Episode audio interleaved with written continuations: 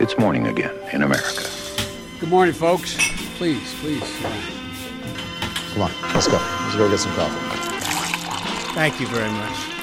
Det er fredag 28. august. Republikanernes landsmøte er gjennomført. Det er 67 dager igjen til presidentvalget, og målkaffen er servert.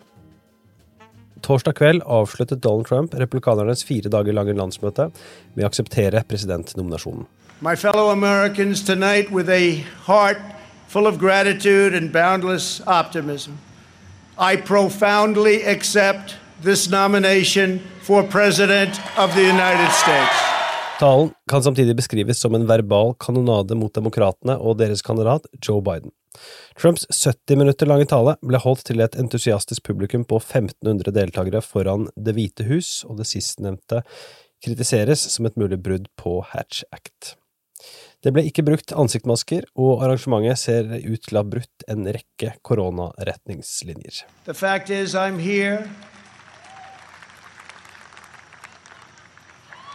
What's the name of that building?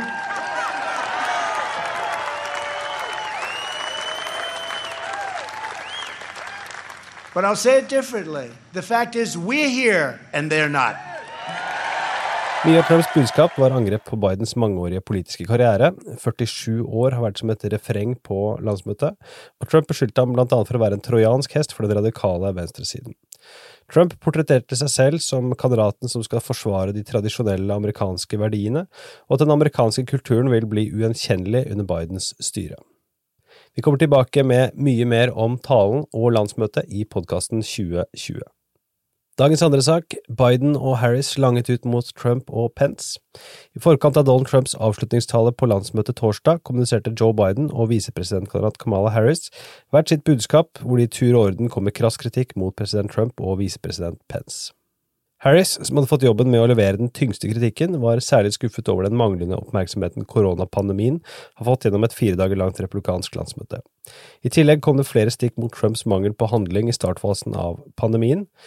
Harris uttalte seg også emosjonelt om Jacob Blake, som ble skutt flere ganger av politiet i Kenosha, Wisconsin, på søndag. Dagens tredje og siste sak, Pelosi ønsker ikke TV-debatter. Speaker of the House, Nancy Pelosi, holdt torsdag sin ukentlige pressebrief fra Capitol Hill. Der ytret hun blant annet et ønske om at Biden ikke bør duellere mot Trump i høstens planlagte presidentdebatter, i frykt for at presidenten skal bruke skitne triks. Pelosi begrunnet dette med at hun er redd debattene vil handle lite om politikk og mer om løgner og personangrep. Og det kan jo vel sies om eh, presidentdebatter i nyere tid, og er ikke noe nytt, men hun sier da at eh, Trump vil oppføre seg på en såpass dårlig måte at det ikke er verdt det for Biden. I myself just don't tell anybody I told you this, especially don't tell Joe Biden. I don't think that there should be any debates.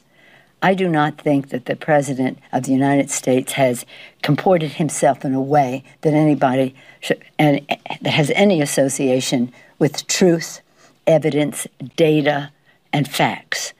I wouldn't, I wouldn't legitimize a conversation with him, nor a debate Debattene mellom Trump og Clinton i 2016 ble brukt som eksempel, og Pelosi lanserte i stedet et forslag om separate scener hvor Biden og Trump kunne adressere velgerne om politiske spørsmål uten all kjeklingen. Hun erkjente imidlertid at Biden og hans kampanje er innstilt på å møte Trump til flere dueller fram mot valget. Dette bekreftet Biden også selv i etterkant av pressetreffet til eh, Pelosi, og beskrev seg selv som en faktasjekker som skal stå på scenen sammen med Trump.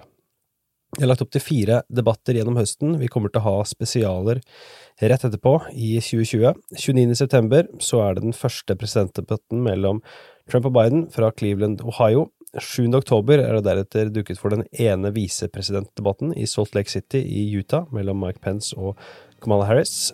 15. oktober debatt to i Miami.